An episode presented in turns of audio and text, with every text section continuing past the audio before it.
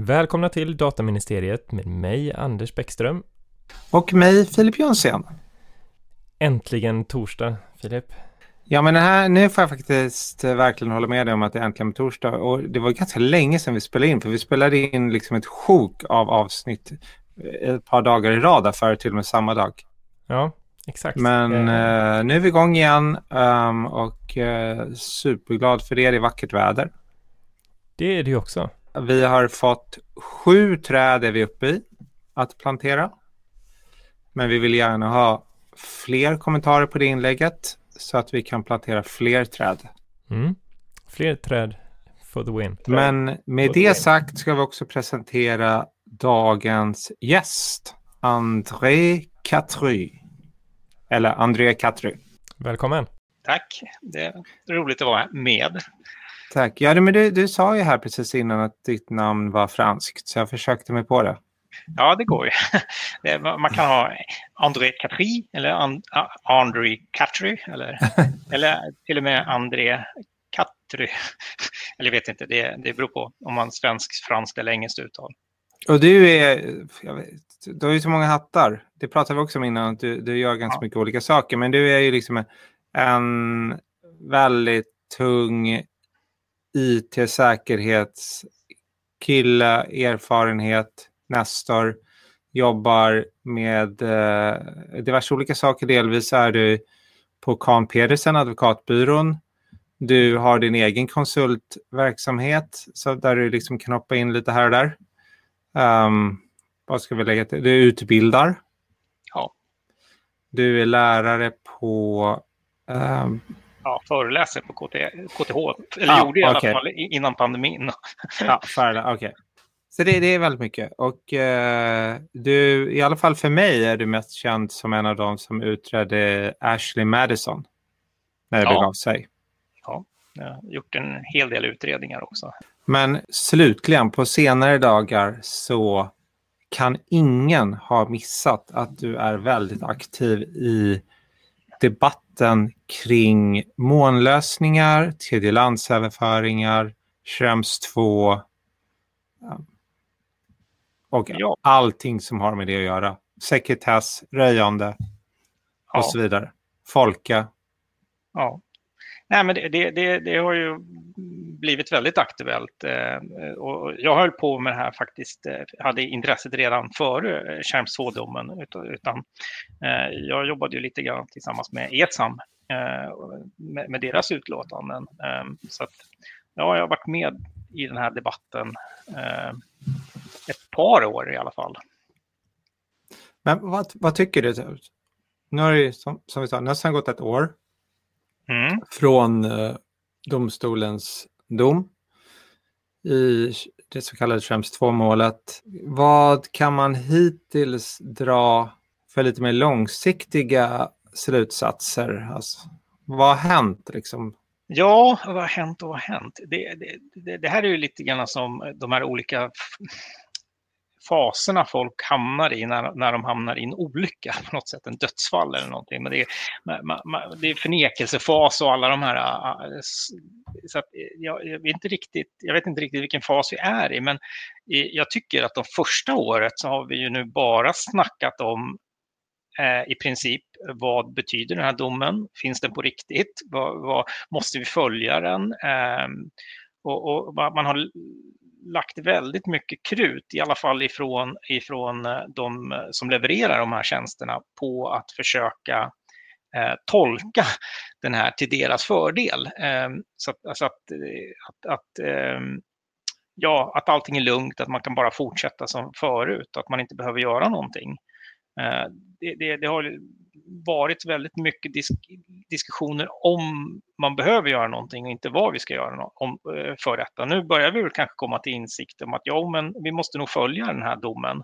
Den har faktiskt eh, riktiga effekter. Vi kan inte överföra informationen längre på det sättet som vi har gjort. Vi kan inte överlämna den här informationen hur som helst till amerikanska bolag. Ehm, så det börjar ju gå upp ett ljus för myndigheter och, och bolag. Då. Eh, jag tittar mest på den här frågan utifrån ett samhällsmyndighetsperspektiv. Så att bolag bryr jag mig kanske inte så mycket om, men, men, men jag, har, så jag har inte så mycket fokus på det. Men jag fokuserar mycket på, på, på, på, på eh, allmän, att hantera eh, allmänhet, ja, allmän data. Så att det, det, det är nu börjar ju, eh, Skattemyndigheten kommer ju med ett uttalande om att de inte ska använda då eh, de ska inte gå över till Teams efter att de byter från Skype på grund av detta. Och sen upphandlande, min, eller upphandlande e organisationer för, för, för eh, eh stat kommuner och, och landsting, då, SKL, eller SKR heter de men nu för tiden, inte SKL. Eh, SKR då, har ju också gått ut och sagt att de kommer inte förlänga avtalet med Microsoft då, på grund av den här osäkerheten med att hantera eh, data. Då. Ehm, så att nu börjar jag tänker att efter ett år så börjar man inse ehm, den här, eh, vad det innebär faktiskt. Och, att, att, det, att, man faktiskt behöver göra någonting åt det.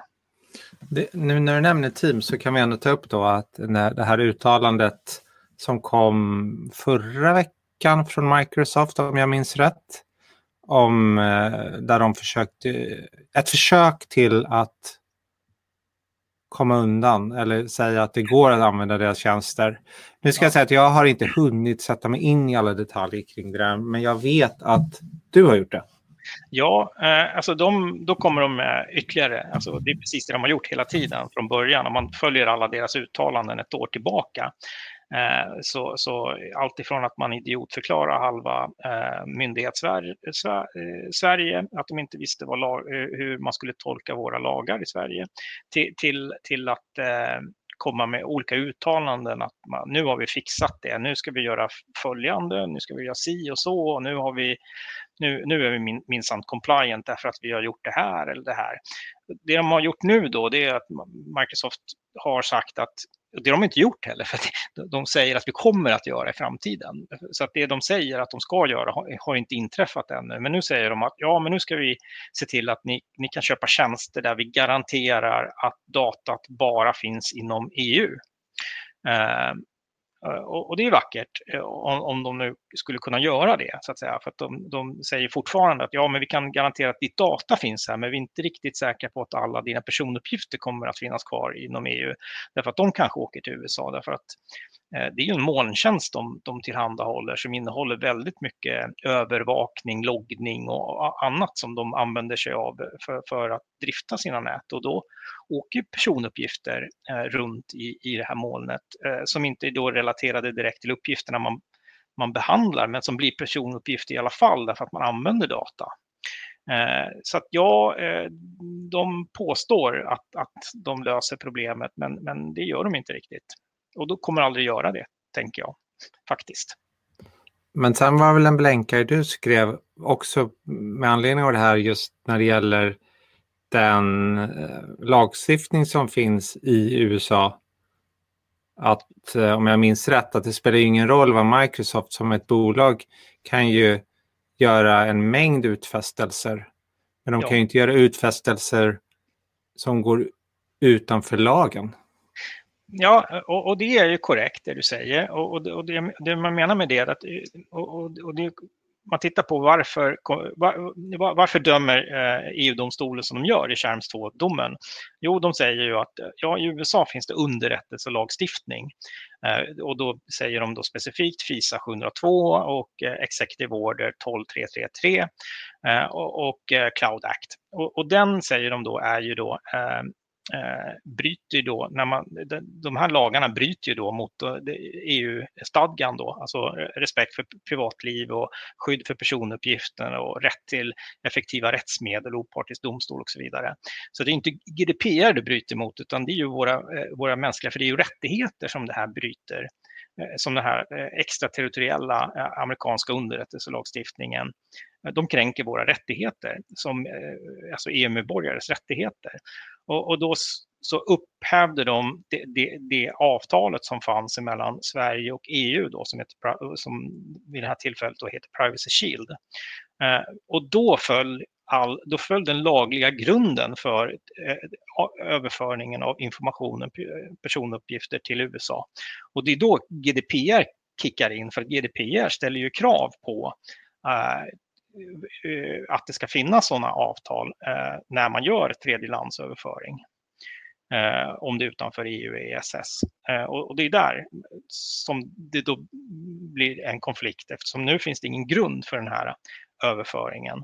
Eh, de här lagstiftningen är ju eh, också, man, man, pratar om Cloud Act så, som, som vi kan lämna lite grann, för, för den, det, det, det är ett stycke för sig och, och, den är väl lättare att hantera. Men, det, men underrättelselagstiftningen eh, som FISA 702, eh, det är ju hemlig. Eh, det är en hemlig lag. Inte, lagstiftning i sig är inte hemligt, men de domstolsordrar eh, som, som produceras i, i, i FISA-domstolen eh, som används då för att ansluta eh, bolag till exempel som Microsoft till, till övervakningssystem då som NSA har som, som, eh, som en del känner till då som Prism eller Upstream och så vidare. Eller Downstream kallar man också Prism nu för tiden. Eh, så finns det olika såna underrättelseprogram som, som styrs då med, med, med hjälp av de här hemliga, lag, med, inte hemlig lagstiftning men med hemliga domstolsbeslut. Och, och, det tvingar ju då Microsoft att överlämna den informationen som amerikansk, som NSA då eh, vill ha. Eh, för att det blir det inte, det blir ingen, det blir inget nytt domstolsbeslut för varje utlämnande utan de får eh, en, en, ram att förhålla sig till och så länge de in, håller sig innanför den ramen så har de rätt att hämta information.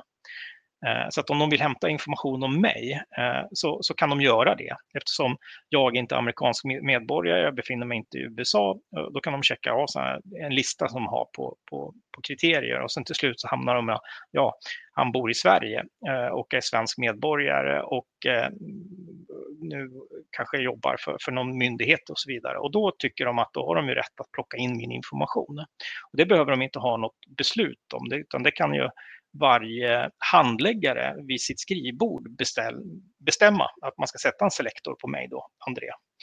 Eh, och, då tycker då EU-domstolen att det bryter då mot, mot de här rättigheterna, att det inte finns ett domstolsbeslut. Jag kan, inte, jag kan inte överklaga det här beslutet. Jag kommer aldrig veta att jag är utsatt för den här eh, övervakningen därför att den är hemlig. Eh, och, och, ja, och det är det som är problemet och det spelar ingen roll vart den här datan befinner sig, om den befinner sig i, i, i Stockholm eller om det befinner, befinner sig i Bryssel eller om det befinner sig i USA. Det, då måste Microsoft lämna ut informationen oavsett var den befinner sig. Det var ett långt svar, jag vet. Nej, men det var ett bra svar, men då är frågan för att du nämner lämna ut här på slutet. Men tidigare lät det som att det är som någon bakdörr, men det är inte så för en Prism eller Down Upstream kan inte liksom själv gå in och plocka information. Ja, det, jag skulle nog nästan påstå att Microsoft är anslutna, tekniskt anslutna till ett system som heter Prism. Uh, och, och det, bygg, det, det, det, det, för, det förnekar ju för sig Microsoft. De säger nej, det finns ingen sån. Eh, men de får inte heller enligt lag eh, säga det heller. Så att det, det, det blir lite märkligt. Men, men när, när, man tittar på den dokumentationen om de här systemen som, eh, som Edward Snowden eh, stal från sin arbetsgivare och, och eh, lämnade till en, en hel del journalister, så, så kan man i den dokumentationen se att det är ett att Prism är ett tekniskt system. Och det finns också uppgifter i de här äh, dokumentationen eh, där, som talar för att Microsoft aktivt förändrar sina produkter för att, vara, eh, för att kunna interagera med Prism. För att, för att amerikanerna ska då, NSA ska kunna få den här informationen. Eh, så jag anser att det finns mycket som talar för att det är en direkt anslutning som de har till, till Microsofts system Eh, på olika nivåer så att säga. Eh, och, och, och, det, och det, man kan ju man kan man kan säga, ja, är det, är det API de har fått för att ansluta eller är det, kan de gå direkt till databaserna eller vad, vad är det nu frågan om? Det tycker jag är ganska ointressant, utan jag tycker det intressanta är ju att en handläggare på NSA kan vid sitt skrivbord skriva in en selektor och då börjar någonstans i bakgrunden informationen om mig att hämtas in och läsas in till NSAs databaser. Och, och, att det skulle göras på annat sätt än automatiskt, det, det, det, det är, håller jag för otroligt. Därför att det finns offentliga uppgifter från USA som säger att de, har, de, de faktiskt publicerar hur många selektorer de, de har satt. Och, och det är hundratusentals selektorer. Och det, det, varje selektor renderar ju så att säga till trafik hela tiden. Därför att det är ju, det, selektorn betyder ju att man övervakar en, en viss individ eller konton eller individer eller, eller, eller domäner. Och, och, det genererar ju ofantlig mängd med, med, information som måste skickas över. Eh, och det skickas över kontinuerligt för det är ju en övervakning som pågår tills man tar bort den här selektorn. Um, så jag skulle nog vilja säga att det är ett tekniskt övervakningssystem som de har på samma sätt som, som när, när, polisen i Sverige eller i, genom Säpo gör telefonavlyssning så, så gör de just det via sina egna centrala system. De går ju inte som de gjorde förr i tiden, eh, tidigt 90-tal och framåt, eh, att de var tvungna att, att ringa Telia och, och, och, och, tala om att de ville ha en, en, telefonkontroll eller en övervakning på en telefon. Utan nu får de ju det direkt i sina system, därför att det skulle inte funka annars. Eh, så att jag skulle nog säga att jag, jag är nästan 100% övertygad om att det är ett tekniskt inhämtningssystem som Microsoft är anslutna till. Så vad kan en sån här selektor bestå av? Då? Du, du nämnde namn, domän och lite annat. Men eh, vet Kon man? Ja, det, det, vet man. Därför det, det, det, finns i, i, i, de här FISA, K, eh, FISIC, eh, eller FISA Court dokument som finns där, där, skriver man exempel på selektorer. Och eh, en selektor kan vara ett, ett konto, det kan vara ett, eh, en, en, ett telefonnummer eller något annat som identifierar en individ. Eh, det är en selektor. Och vad får det för konsekvenser om vi då tänker att, vi, vi behöver inte nämna någon namn då, men Microsoft eller någon av de andra som har um, ett moderbolag i USA och mm. har tjänster som jag vet det, levereras från datacenter till exempel um, i EU. Ja. Vad blir konsekvensen rent juridiskt rättsligt? Alltså juridiskt rättsligt, mm, jag vet inte vad, ja, ja nu, nu. Vi kan ta två olika tempos här. Det ja. ena är ju sekretessuppgifter som var på tapeten för ganska länge sedan, flera år sedan. Men då var det ja. Cloud Act. Men vi leker ändå så här, okej, okay, nu vill vi ha, man behöver inte ta journalsystem, ta något enklare. Um, rehabsystem. Ett, mm. ett bolag vill ha sitt... Microsoft levererar en rehabsystem från EU, molntjänst. Ja. ja.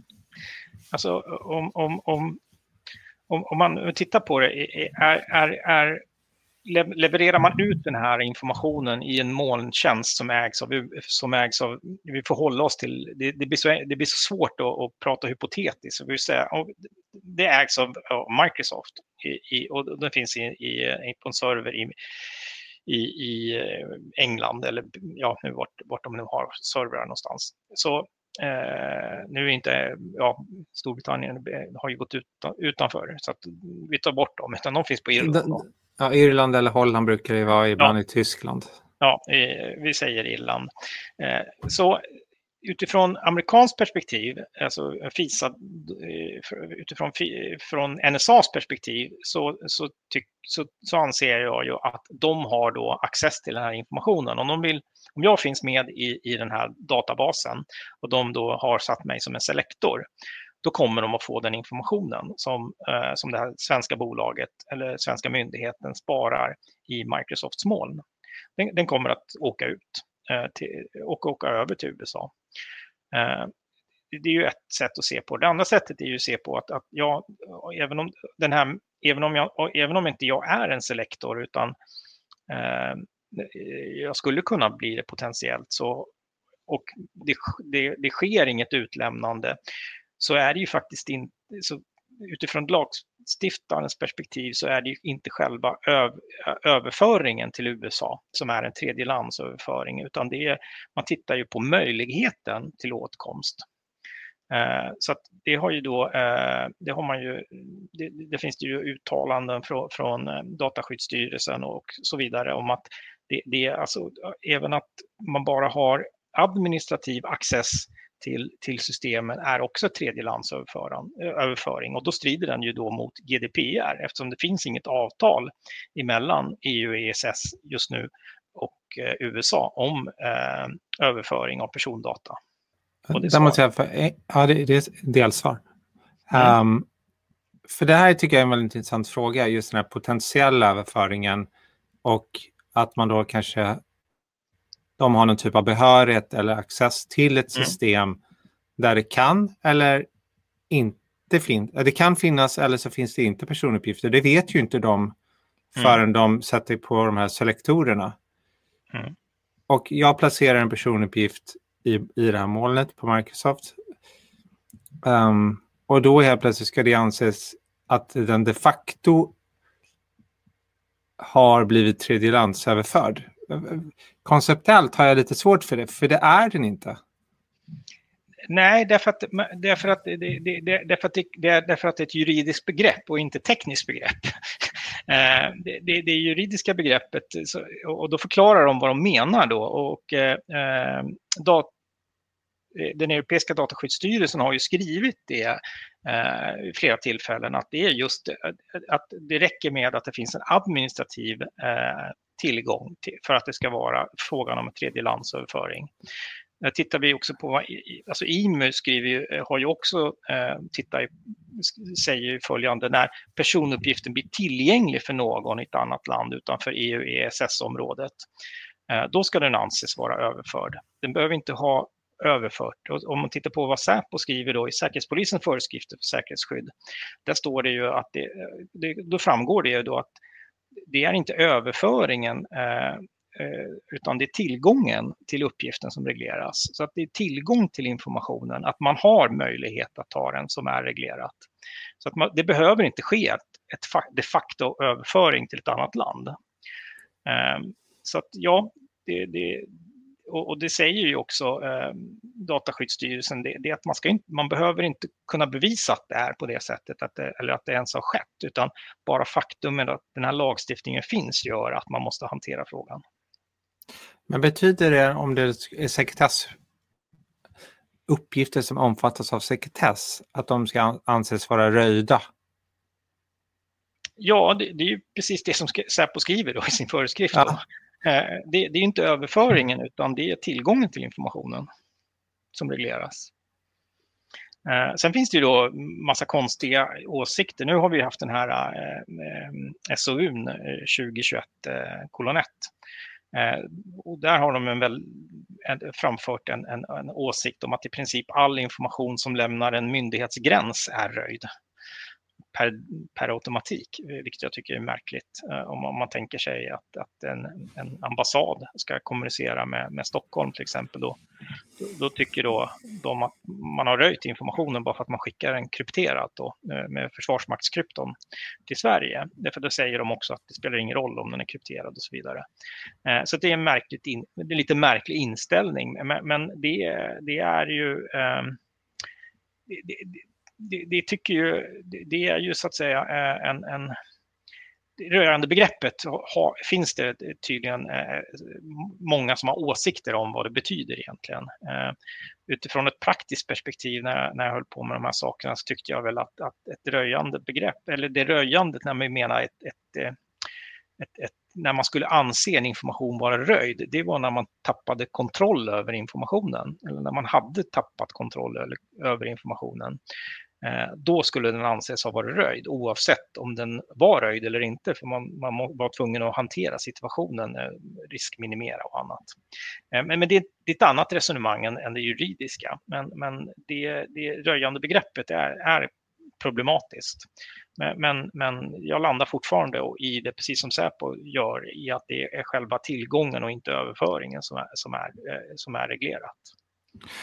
Jag tänker att det är lite en, en viss skillnad i när man pratar om tredjelandsöverföring i, i ett eh, dataskyddsperspektiv och när de pratar om att tillgängliggörandet är eh, det viktiga.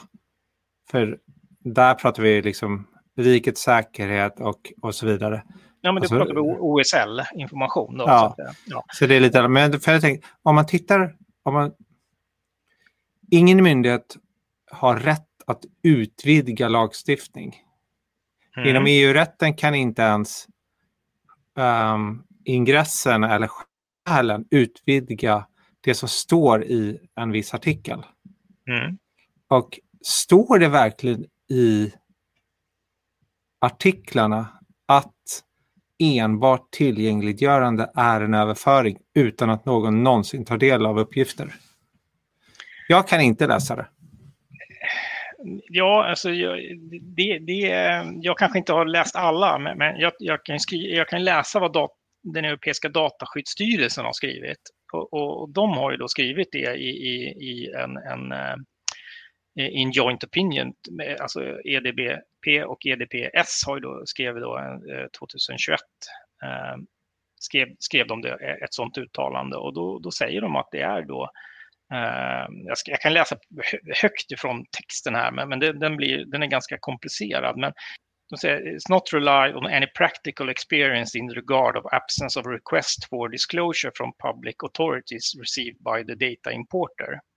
Och de menar att de, man behöver inte leda bevis att, den här, att ett utlämnande har skett. Det räcker med att den här lagstiftningen finns. Man behöver inte göra den här, man kan inte göra den här eh, avvägningen och riskanalysen.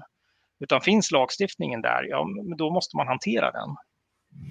För jag tänker att om jag läser i artikel, eh, jag säger inte att, någon, att, att, du har fel, jag säger att, att de har fel. Jag ja. tror att det är helt enkelt, man kan säga, nej det är inte en teknisk eh, term, men um, i det här fallet står det överföring av personuppgifter. Och om, om, du frågar 90, 100 personer kommer 99 personer svara nej, uppgifterna måste faktiskt ha överförts. Och i alla fall i min upplevelse, till och med bara det här att någon utnyttjar en, en uh, tittbehörighet, bara det har väl 90 procent svårt att förstå att det är en överföring när, när uppgifterna ligger kvar på en server. Man bara tittar, tänk att du har en tunn klient eller någonting. Och här ska man då ta det ytterligare ett steg. Man behöver inte ens använda. Man behöver inte ens koppla upp sig. Utan egent, teoretiskt skulle man kunna då säga att när jag reser utomlands, för jag har, kan koppla upp mig mot en server, då är alla uppgifter redan överförda dit. Det skulle betyda att alla uppgifter i princip är överförda till alla länder redan. För folk flyger ju, ja inte just nu då, men normalt hej vilt ja. över hela världen. Och jag menar, ja, jag kan koppla upp mig. Ja, jag hänger inte riktigt med i ditt, ditt resonemang just nu där med, med, med, med flyga och, och koppla upp sig. Eh. Ja, men om man, om man säger så här, ja, teoretisk tillgång är en överföring utan att någon någonsin använder den här behörigheten. Säg att någon vid Microsoft i USA uh, support har teoretisk tillgång till en uppgift på datacenter i EU. Den här personen använder aldrig den, för han jobbar med andra saker, men han har behörighet till det. Mm. Då säger styrelsen, det är ändå en överföring. Och för mig är det jättesvårt konceptuellt att förstå hur det kan vara en överföring. Ja, ja men jag, jag, jag, tror att man får titta på det i flera led. Om det bara hade varit det, att, att en administratör har möjlighet att nå det datat i, i, i, i Sverige, eh, så, så, är, så är det kanske inte frågan om... Så, så, så kan man, om man bara tittar på det isolerat, så, så, så kan man ju dra vissa slutsatser av det. Men om du kombinerar det tillsammans med den här underrättelselagstiftningen, eh, där, där den amerikanska myndigheten då kopplar upp sig mot de här systemen så måste man titta på helheten och säga att ja, men då har de ju möjlighet att hämta ut den här datan. Och att de hämtar ut data, det, det, det, det görs. Det, det, är inte, det, är ju ingen som eh, bestrider att det görs. För det, det, finns ju officiell data på hur mycket data de hämtar ut. Eh, och, och, och, Microsoft har ju också eh, en, en, en, en, en, hemsida eller en, en sida där, där, där de redovisar en viss del av det här utlämnandet. Så att, att, ja, att, den gör, att utlämnande sker, det är inte teori, det är ju, det, det är ju faktum. Eh, så att man måste nog se de här två sakerna tillsammans som ett, ett system. Jag, kan, jag köper det när det gäller, eller det, jag håller med dig när det gäller just situationen i USA. Men uttalandena som både IMI och styrelsen har gjort är ju generella. Ja, eh, så är det. Eh, eh, men, det, men, det, men jag, har, jag är inte... Jag, ser, jag, jag har ju bara tänkt på det här och studerat det här utifrån de här amerikanska perspektivet och, med de här underrättelselagstiftningarna och annat. Så jag, jag har inte funderat i de banorna, liksom vad det betyder egentligen utifrån annan, andra länder. Men, men det, därför att det, det, eh, det, det är ju just eh, de här hyperscaleserna finns ju antingen i USA eller i Kina eh, och båda har ju den här typen av lagstiftning. Ehm, och vi skulle nog ha, om vi, om vi vänder på det egentligen, om vi säger att vi skulle använda en kinesisk tjänst istället för Microsoft då, ehm, skulle vi då vara lika eh, säkra på, eller skulle vi då ifrågasätta om det här eh, blir ett utlämnande eller inte? Vi tillåter ju inte ens att de installerar 5G i Sverige. Nej, alltså jag skulle nog vara lik, alltså den konceptuella tolkningen om det är en överföring eller inte. Just överföringsbegreppet skulle jag tycka likadant. Sen kan det finnas andra aspekter som säger att eh, det är olämpligt, alltså även GDPR-aspekter, säkerhet och, och massa annat. Men jag skulle inte säga att en uppgift är överförd för, förrän den är överförd. Och äh, dataministeriet, mm. vi har även varit i kontakt med ICO i Storbritannien och ställt den här specifika frågan. Och de anser inte att en uppgift är överförd förrän den är överförd eller att någon faktiskt har utnyttjat sin behörighet. Ja. Men, det har jag skriftligt på. Ja, men, men, det, men det, det, det komplicerande faktorn här blir ju att du aldrig kommer att, att den utlämnande har skett, om vi nu bara håller oss till den här utlämnande från, en, från via FISA 702, då, den är ju hemlig. Den kommer du aldrig få reda på. Eh, så du kommer ju aldrig kunna få reda på om de facto utlämnande har skett. Nej, och det är det jag menar. Därför kan det vara så att man fortfarande inte kan använda det, tjänsten, ja. för att ja. alla uppgifter kan överföras, tredjelandsöverföras teoretiskt. Ja. Därför kan det vara stopp ändå. Men de har de facto inte överförts förrän de har överförts. Alltså jag ser, gör en liten åtskillnad där. Men är, nu är jag också lite så här, jag är lite ja. miljöskadad av att ha läst så mycket. Och jag, jag tänker ju att, att ähm, jag tänker att, att, att eh, Europeiska dataskyddsstyrelsen är bättre på att tolka eh, den lagstiftningen och det är ju egentligen de som har att, att tolka den på något sätt. I, i slutändan är det domstolen då. Mm. Men domstolen har ju också sagt att man inte kan göra den här, att om när lagstiftningen finns, ja, då måste man hantera frågan. Fast de sa inte att en uppgift var överförd? Nej, de säger att man måste hantera eh, det faktum att, att, att den här extraterritoriella lagstiftningen finns. Och styrelsen har ju, de har ju haft fel i andra frågor. Det ja. finns ju riktlinjer där det finns direkta felaktigheter i. Ja, och det, det, det, så kan det ju vara. Eh, och så är det ju säkert också.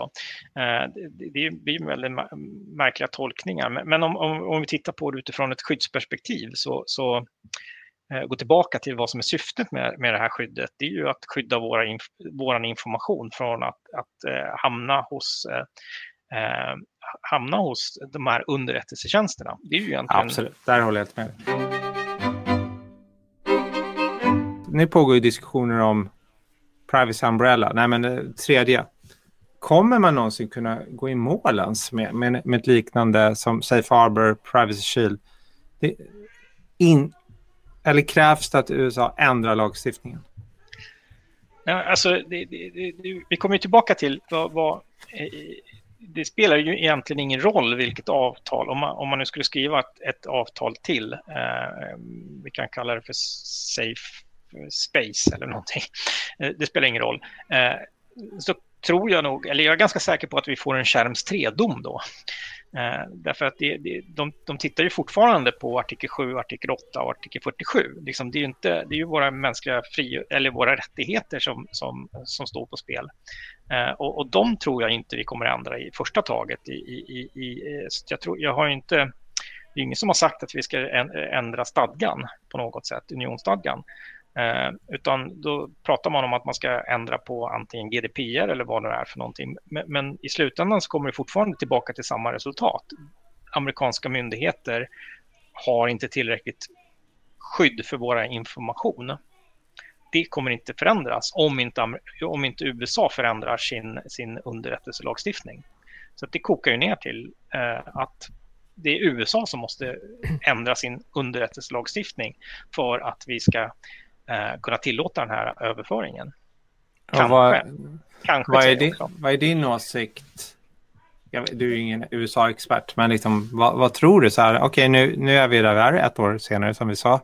Nu börjar det ju faktiskt hända saker som du nämnde, Skatteverket, eh, SKR och mm. andra liksom börjar vidta faktiska åtgärder att, genom att eh, när avtal löper ut, inte förnya avtal och man letar nya tjänster med andra upplägg vad, vad har vi, finns en lösning då? För jag menar, vi kommer inte kunna stoppa alla dataflöden.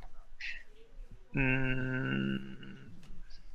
Nej, det, det, alltså det, den är ju svår. Alltså det, men, men eh, vi är ju inte den enda, alltså EU är inte den enda som har suttit i den här situationen. Eh, Kina sitter ju i samma situation egentligen, fast de har ju löst det. De har ju redan löst det. Och, och i, i, i Kina så har ju Eh, så finns det ju en kinesisk eh, Microsoft-domän som hanteras av eh, en kinesisk entitet och då finns det också för de övriga hyperscalersna. Och lite granna har ju USA i TikTok-ärendet hanterat det på samma sätt mot Kina som har tvingat dem liksom att flytta över och hantera datat på, på amerikansk mark av amerikanska bolag. Så det finns ju en lösning där om man skulle se det på det sättet att, att, att, att EU skulle kunna få sin egen domän. Uh, vilket jag tror faktiskt att om, om jag ska sätta pengar någonstans på, då, då, då, sätter jag pengar på den, på den lösningen egentligen. Att det är det som vi kommer se fram i, i framtiden. Eh, också med tanke på de här Gaia X-projekt och annat. Och man börjar prata om digital suveränitet och, eh, som, en, eh, som en helt annan aspekt ifrån, från, i, i detta jämfört med, med integritetsfrågan. Då. Hur, hur, funkar det? Jag har också läst om det här både i Kina och så kom det väl ett, någon idé om att det skulle vara något liknande i, EU. Vi, um. vi, har, vi har ju redan haft, vi har faktiskt redan haft en sån domän i EU. Eh, eh, tyska Telekom hade ju en Just sån. Det. Eh, Men det gick ju inte. Nej, Eller det, då? Då. Alltså man la ner den här tjänsten för inte så länge sedan. Eh, därför att man kunde inte sälja den, därför att man försökte ju konkurrera med Microsoft. Alltså Microsofts europeiska, eh, eller Deutsche Telekoms egna domän försökte ju konkurrera med Microsofts domän och, och, och lyckades ju inte därför att det, det skev prissättning, men dessutom så, så så laggade ju så att säga uppdateringarna eh, av, av nivåerna i, i, i, i den molnlösningen. De, de fick ju liksom inte de, de uppgraderingar och så fick de inte tillgång till alla schyssta eh, AI-grejer och annat liksom som, som, eh, som, som finns i, i, i, de, i de här molnen. Så att man, det, det är en begränsad funktionalitet. Eh, och innan Skärms 2 så ansågs, ansåg väl ingen att de var tvungna att gå in i det här sämre Microsoft-molnet. Det fanns ingen som tvingade dem i alla fall att göra det. Det är en lite dum fråga. Alltså, så de licensierar ut sin teknik till en helt annan leverantör? Ja, de licensierar ut tekniken och skötseln av den här tekniken. Alltså, så att, ja, det blir en licensfråga helt enkelt. Någon köper en licens för, för, för, för Microsofts molnlösning och så sätter man upp den själv i sitt eget datacenter och så, då är inte Microsoft in, direkt eller indirekt inblandade i, i de har inte access till, de här, eh, till den här infrastrukturen. Då. Frankrike verkar ju vara väldigt sugna på det nu, om jag läste rätt. Eh, ja. Att Frankrikes finansminister hade uttalat sig om att de var övertygade om att Microsoft, Google framförallt kunde mycket väl licensiera det här till franska eh, molntjänstleverantörer på något vis. Ja, det var väl, de, de, Microsoft gick väl ut med en pressrelease, om det var idag eller igår, va? Eh, jag kommer inte ihåg riktigt, eh, om just detta. Eh, och, och det, det, är ju en, licen, eh, ja, en licensiering av tekniken helt enkelt. Och då har man ju löst själva eh, bolagsfrågan. Ja, men då har ju liksom inte amerikanska myndigheter någon eh, rättighet eller, eller, någon möjlighet att ansluta de här systemen till PRISM. Då. Eftersom det, det är ju helt avgörande av ägarfrågan. Jag bara tänker för att är det inte precis det vi säger nej till Kina, att vi inte ens vill ha deras teknik? Eh, ja, det är en annan fråga eh, egentligen. Eh, vi säger ju till, till, till Kina, nej, vi vill inte ha er, er teknik, även om vi kommer att drifta den i princip, eh, eller om det är tre eller vem du är som, som, eh, som, eh, som, har, som driftar de här, så, så i princip säger nej men vi vill inte ha era prylar. För vi tror att ni har lagt in bakdörrar i dem. Och det skulle inte kunna hända västerifrån, att de har liknande bakdörrar i sin teknik? Det gör de ju redan. Eh, och det vet vi ju också genom eh, Snowdens dokument att, att, att det, det, det sysslar de ju med hela tiden, amerikanska eh, myndigheter, och stoppa in bakdörrar i olika typer av men, produkter. Men skulle då det här Deutsche Telekom, eller vilka det nu blir, eller Frankrike, lö, lösa problematiken? Utifrån ett rättsligt perspektiv, ja. Men, men om du ska titta på rejält, om, om, om det nu fanns data i, i, i Deutsche Telekoms moln så tror jag nog att eh, NSA är kapabla till att hämta ut den informationen också. Men då skulle eh. man ju kunna plocka det på artikel 32 istället och säga nej, den här säkerheten är inte tillräcklig för att det finns en bakdörr. Nej, alltså det får ju gå ganska extremt om du ska bygga. Eh, då, måste vi bygga system som inte är anslutna helt enkelt. Eh, eh airgappade system. Eh, lite, lite vad jag gjort de senaste fem åren på Saab. Ehm, så att det, det är ju när man behöver hantera den typen av hotbild egentligen. Att, att, att underrättelsetjänsten ehm, har möjlighet att, att, att göra, alltså plantera in eh, bakdörrar i system eh, eh, under transport eller, eller till och med under, under tillverkningen av produkterna. Då får man ju ett problem, speciellt om man är tvungen att köpa de här produkterna från leverantörer som man vet lyssnar på en eller vill ha ens information. Så man tar lite mer vardagligt när det gäller just informationssäkerhet. Vad, vad de tre så viktigaste sakerna som inte jag som privatperson, men en, medelorganisation kan implementera? Vad, vad, ska, vad tycker du? Ja, alltså, ja, en tråkig svar där kanske. ordning och reda. Den första, alltså tydlig, tydliga krav, ordning och reda. Det, det, det är den viktigaste delen egentligen. Jättetråkig, eh, eh, men, men faktiskt jätteviktig. Eh, och, och, och sen är ju kunskap också, måste ju självklart finnas där. Um, för, för, att mm, det, började, det börjar bli bättre att göra eh, med, med, på kunskapssidan. Uh, för tio år sedan så var det en katastrof, men det, det, det har ju hänt. Det är ganska många som har, har hamnat i branschen. Uh, och sen om man ser det från ett, ett samhällsproblem eller från ett samhällsperspektiv så är det ju så, idag så tvingar man ju alla att skydda sig själva. Men det är ingen som skyddar helheten, om ni förstår vad jag menar. Ehm, så att det, det finns alla, alla bolag och alla myndigheter i Sverige får klara sig själva lite grann. Det finns ingen som hjälper dem och det finns ingen som skyddar dem på, på, på en högre nivå från, från en, en, en extern angripare. Um, och där har vi ett problem. Um, utan, utan ett sådant samarbete eh, så kommer det bli väldigt problematiskt att, att skydda sig. För att i, i, jag brukar säga i cyberspace, det ensam är inte stark, utan det, då, är man bara, eh, då är man bara ensam, blind och döv. Då, vet man inte, då ser man inte vad som händer, man hör inte vad som händer och, och, och, och eh, man, man står där ganska själv. Eh, så det, ja, jag vet inte riktigt om det var det svaret du vill ha, men jag, jag tittar på det utifrån ett samhällsperspektiv och jag tycker det, det är viktigt. Och, det, och där gör vi oss väldigt, väldigt sårbara idag. Ehm, Ja, och jag tycker ordning och reda var ett, men jag, jag, tänkte lite mer konkret utöver det om man, om man har så här, ett medelstort företag. Vad... Ja, ja, men det, det, alltså det, För det, är ju samhällsgrejen och det, håller jag med om såklart. Ja. Um, men när man sitter där ja, som en CIO, DPO och allt vad det heter, IT-chef eh, eller datachef och, och så bara okej. Okay. Nu man lyssnar man på den här podden och sen måste man så här bocka av. Har vi gjort det som Andrea tycker de tre viktigaste sakerna? Ja, okay. vi har ordning och reda. Ja. Fast vi har ju ingen, men okej, okay, vi ja. I, i, I ordning och reda ingår ju massa saker. Man måste ju veta vilka informationstillgångar har vi eh, och på vilket sätt skyddar vi dem. Och Sen måste man göra en hot och riskanalys. Har man gjort tillräckligt mycket för, för, för den här informationen? Har man, har man, och det blir så svårt att ge ett generellt svar, för vissa verksamheter de kan ju leva helt utan sin information. De, de behöver ju, det skulle inte hända någonting om den försvann. Det är den ena extrema. Den andra extrema är ju att det finns vissa organisationer, om deras information försvann så upphör organisationen. Eh, och sen finns det ju massa saker däremellan. Så man måste ju förstå hur viktig är den här datan för verksamheten och på vilket sätt skyddar man den. Eh, oavsett om det är brand eller hackers eller antagonister eller insiders eller vad det är för någonting som har. Eh, det, jag tror att om man inte har koll på värdet på sitt data och vart den befinner sig och hur man skyddar den, då, då, då det är väldigt svårt om man inte har gjort den läxan eh, först.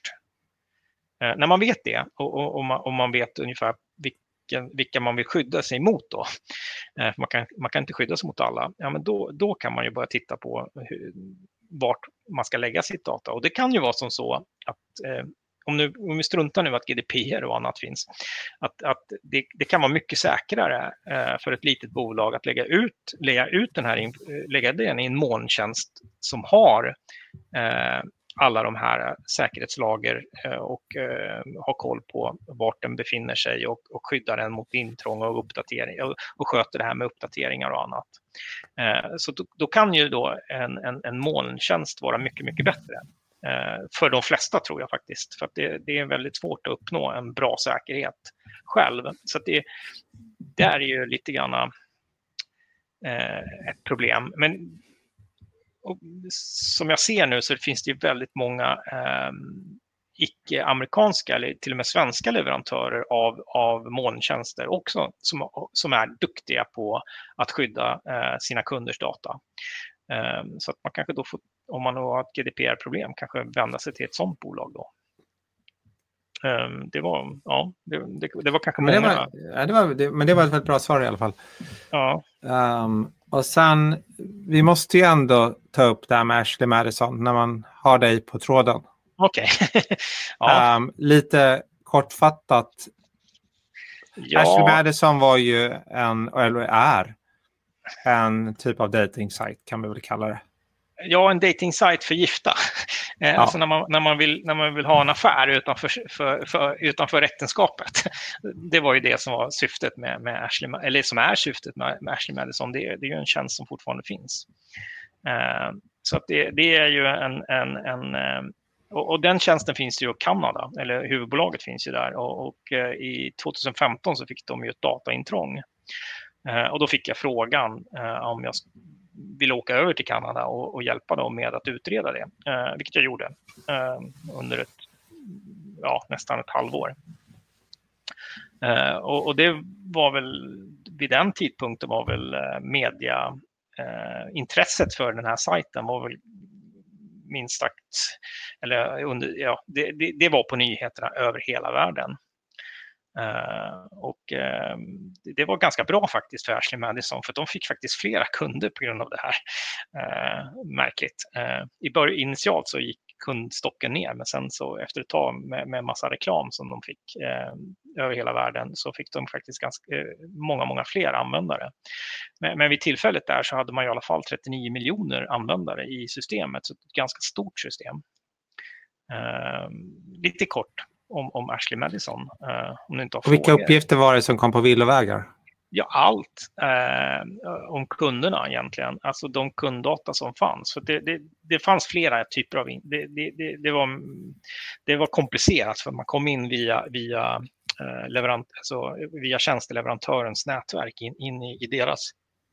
Vilket, gjorde att de fick tillgång till allting. Så de fick ju tillgång till all inte bara kunddatat, men de fick också tillgång till, till företagets alla e-post och, och, och eh, finansiell data, i princip allt. All, och det här var en utsideshackare, eller hur?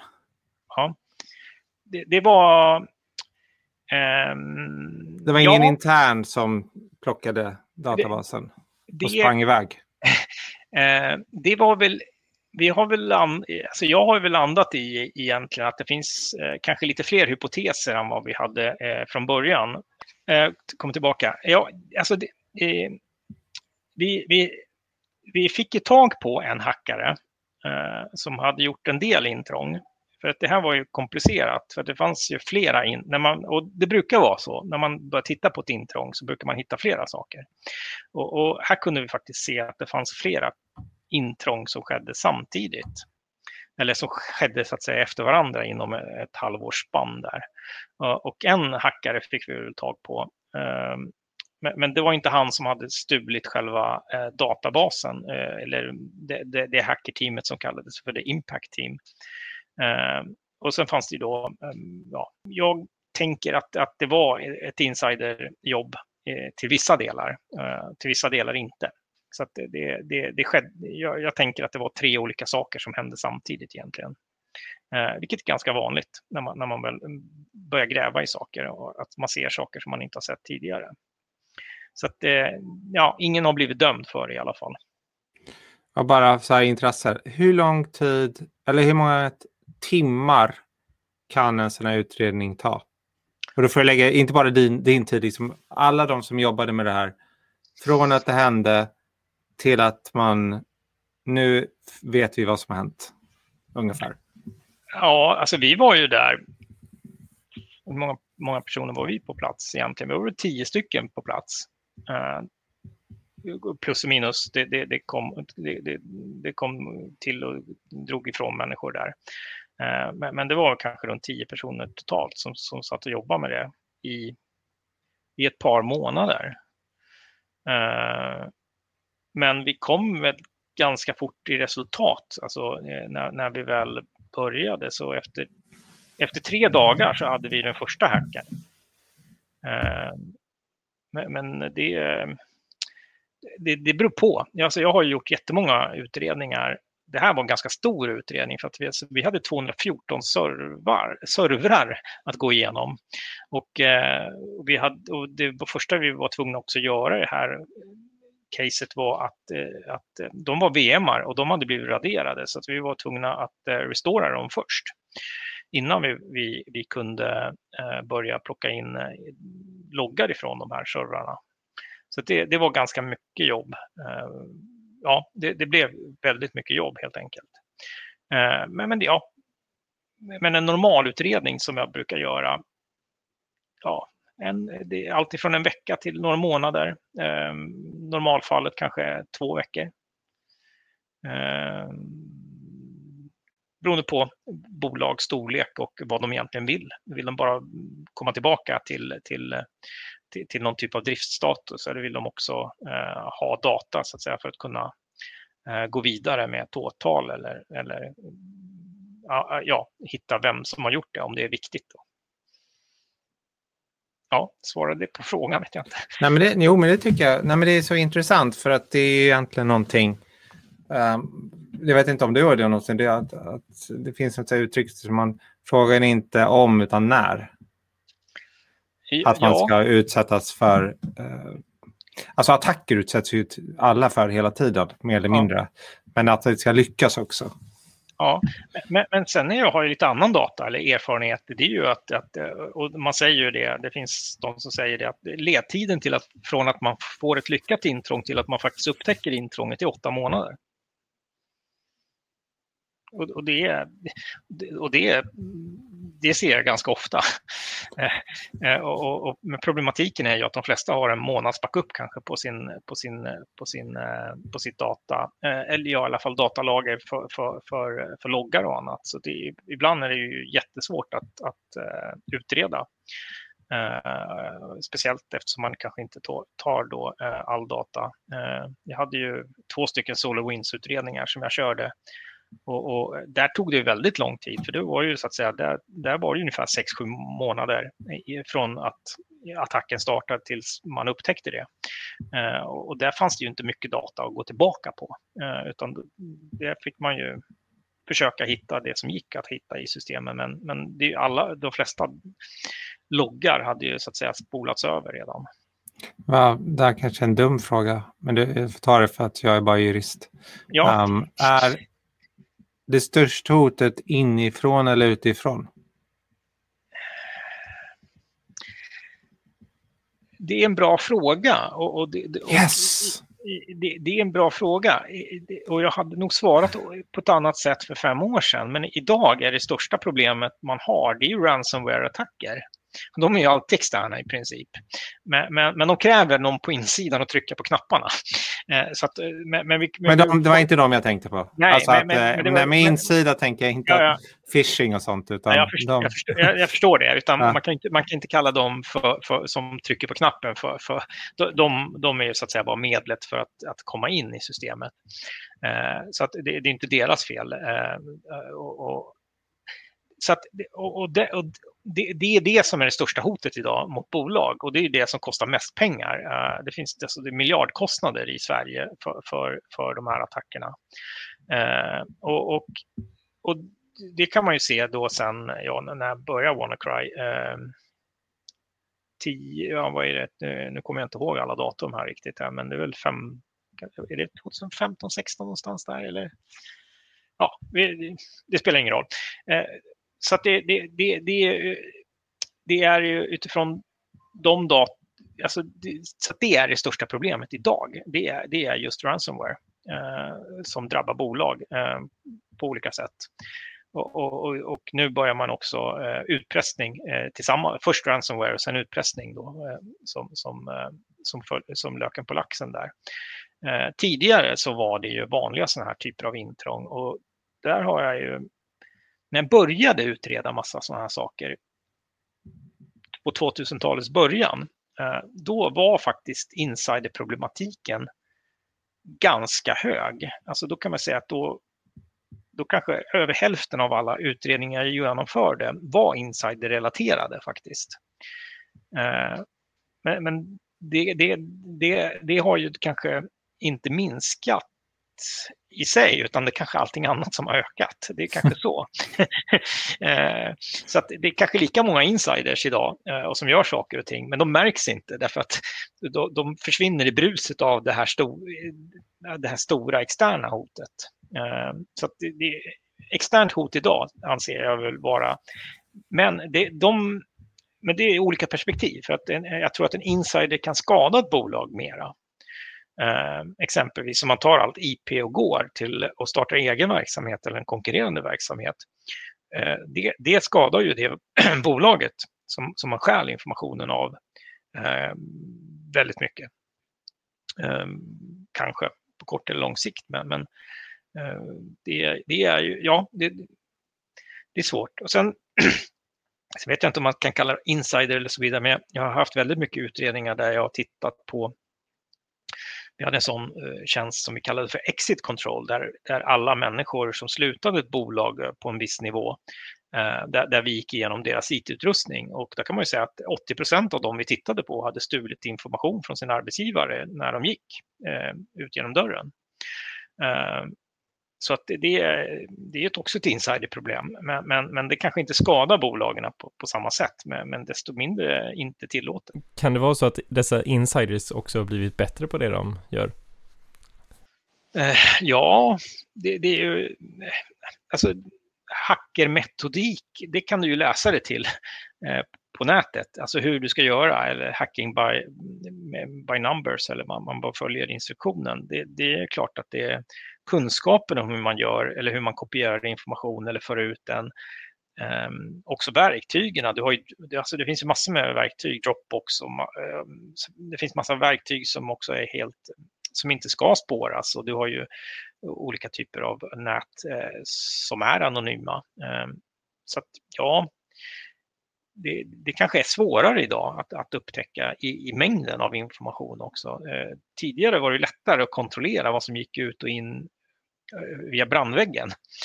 Eh, idag är det så väldigt stor information som går där och det mesta är faktiskt krypterad eh, om man inte bryter upp eh, eh den krypteringen eh, när man kör någon typ av inspection där, eh, vilket inte tillräckligt många gör tycker jag faktiskt. För eh, hackersna använder ju det här också för att skydda sin, eh, när de i SolarWinds-caset var det ju så att man kunde inte identifiera, se vad som har hänt därför att de, de, de använde krypterade, eh, information, eller, in, krypterade informationskanaler. Um, och, och, och det, det, är mycket av den, den, de trojaner och annat eh, som skickas in där som man uppdaterar dynamiskt via någon krypterad kanal. Så man kan inte se liksom, vad de har gjort egentligen eller vilka instruktioner eller vilka möjligheter de har haft. Um, så så länge man inte kan logga den trafiken, för den, för den landar ju aldrig på något eh, media utan den finns ju bara minnet hos, i de här datorerna och eh, också på, på, på linan. Och om man inte, spar, om man inte loggar, spar den och bryter upp de här kryptolänkarna eh, så, så, så går det inte att utreda dem, den, den typen av brott. Så det är det jag ser det har jag sett de sista två, tre åren. Det har blivit mycket, mycket svårare att utreda vad som faktiskt har hänt. Därför det finns inga spår av, av händelsen faktiskt. Man, man kan se att det finns no, någon typ av, av programvara som kan kommunicera och, och få instruktioner utom, utifrån. Men man kan inte mm. se vilka instruktioner den har fått. Vilka är det som ligger bakom sådana här grejer då? För det, alltså det som jag, nu är inte jag eh, expert på just de bitarna kanske, men eh, det verkar cirkulera en hel del eh, ryska grejer med olika kopplingar till björnnamn på de här grupperna. Ja. Eh, och eh, Nordkorea verkar ju också vara väldigt duktiga på saker och ting, i alla fall om, om man får tro på det som framkommer i media och sånt. Men ja, är, det, är kompetensen mer spridd än så? Eller är det ja, alltså i, idag så räknar man ju upp, eh, förut så räknade man kanske USA och, och, och Ryssland och så vidare. Och, men nu får du ju räkna på, ja, vi, vi får räkna på Eh, länder som man kanske inte tänkte på förut som, som, eh, som, eh, eh, eh som Indien och, och Pakistan, Iran, Saudiarabien, de har, inte, de har ju köpt den här, de har köpt Eh, Eh, där finns det bolag som tillhandahåller de här tjänsterna åt, åt, åt, åt myndigheterna. Eh, så att de har ju skaffat sig förmåga.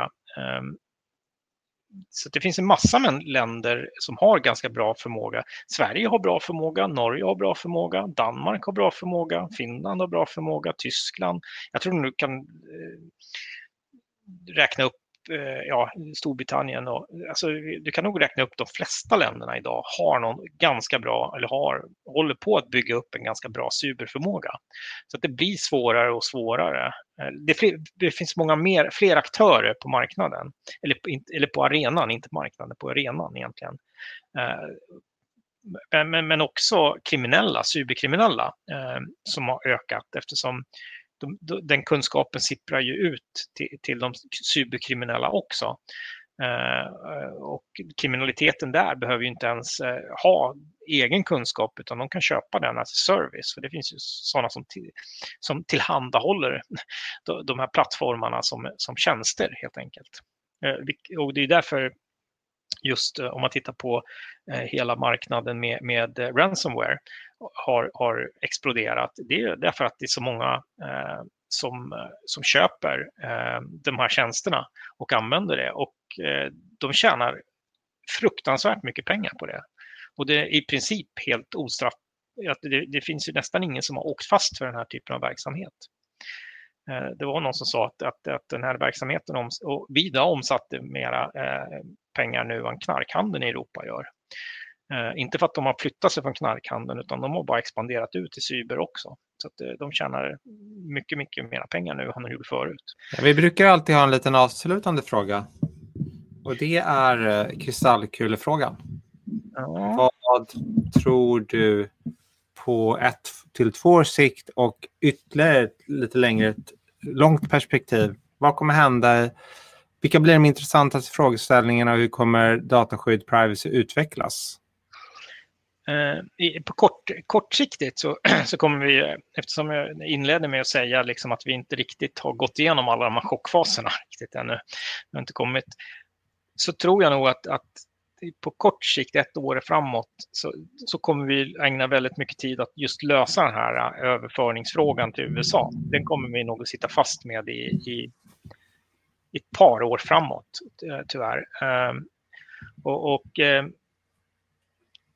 det kanske landar i att det blir en Skärms 3 någon gång, jag vet, inte vet jag. Men, men, men och sen, så kom, sen får vi inte glömma att, att det som också händer, som vi inte har pratat om, det, det är att de facto får konsekvenser, alltså de här skärmsdomarna faktiskt får konsekvenser för till exempel Facebook, att de inte får göra sina överföringar.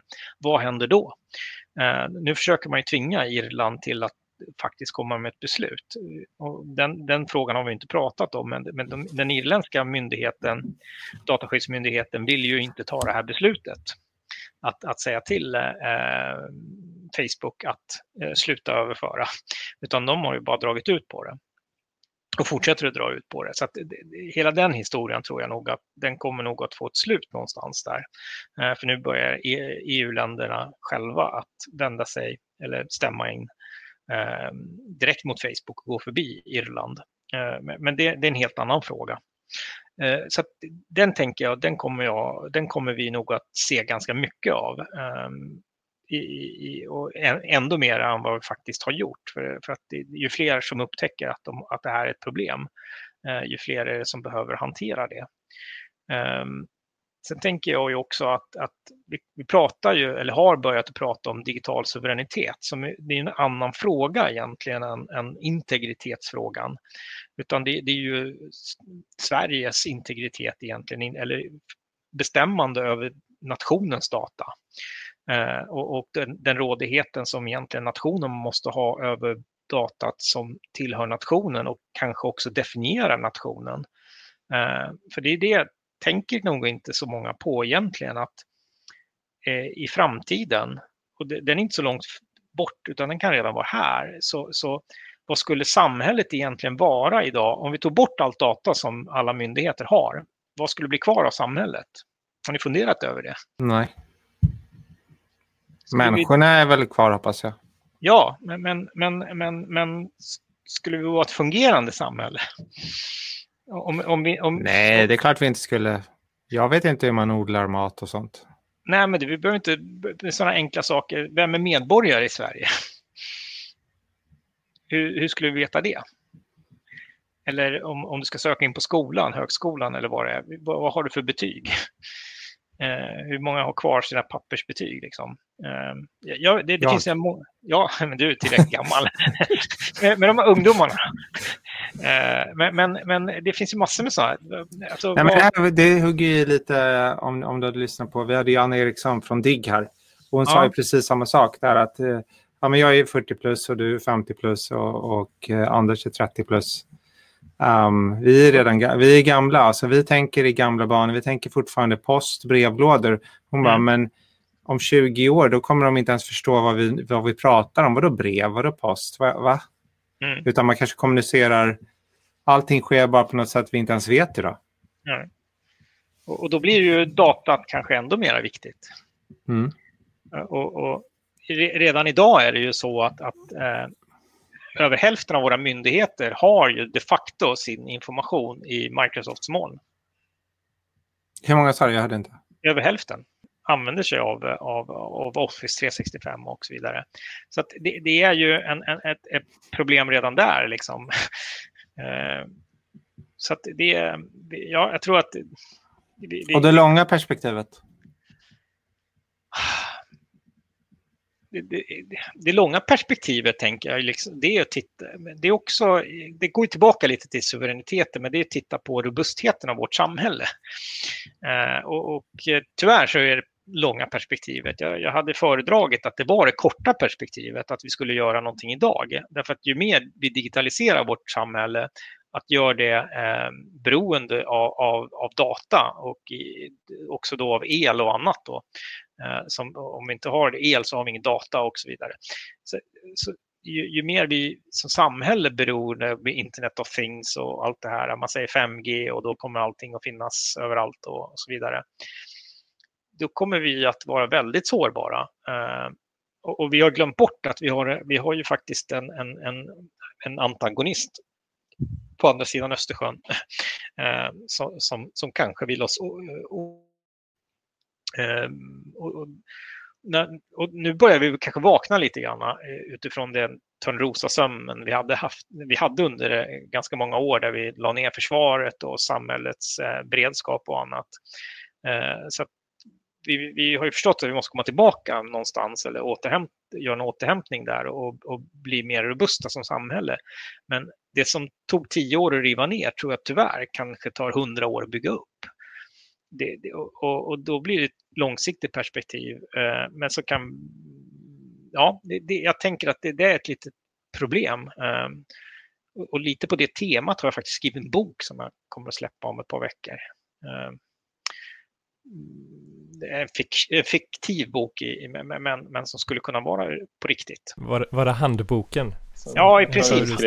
Ja, ja. Jag, jag, tänkte att jag ska skriva en, en, fiktiv roman här och jag vill inte att, att det skulle vara en, en, manual om hur man skulle attackera Sverige. Och det var ett projekt jag startade för några år sedan. Men, men nu när jag har avslutat det och det går till tryck och jag ser nu, då, då funderar jag på, är det inte just en manual jag har skrivit om hur man angriper Sverige eh, digitalt och så vidare. Men, men jag tittar ju mer på hybridkrigföring, för det är det jag tror att eh, det, det är det mest sannolika scenariot där, där, man, där man både trupp och, och, och eh, använder sig av cyber eh, för att attackera Sverige. Eh, och, och, när man kombinerar de, de, de två eh, de två förhållanden, att, att, man, att man attackerar både eh, med kinetiska vapen och använder sig av cyber, vilket vi inte skyddar oss emot. Om vi tittar på alla de här datacentren som 50 procent av myndigheternas data ligger i, så ligger de ju så att säga ovan jord idag. Eh, så att eh, med sju stycken eh, robotar så har vi ju inget data kvar. Eller i alla fall över hälften av datat är borta idag. Det kan man ju tänka på. Det är precis det boken handlar om och det är så den startar. Jag har, jag har mycket att säga men vi hinner inte. Jag tycker ja. generellt att krig känns så otroligt omodernt. Det är det. Eh, men, eh, men det sker ju trots allt varje dag, tyvärr. Det, det, omvärlden är ju som den är. Ja, jag har krig med mina barn ibland. Ja, konflikt kanske. Konflikt. Ja, men jag tänker att om jag har en konflikt med dem, då förstår jag att konflikter kan liksom ja. vara större också. Men jag, i princip tycker jag är jättesvårt att förstå just här. Krig känns väldigt yesterday. Ja. Jag skickar min bok så får vi väl se. Ja, men den läser jag gärna.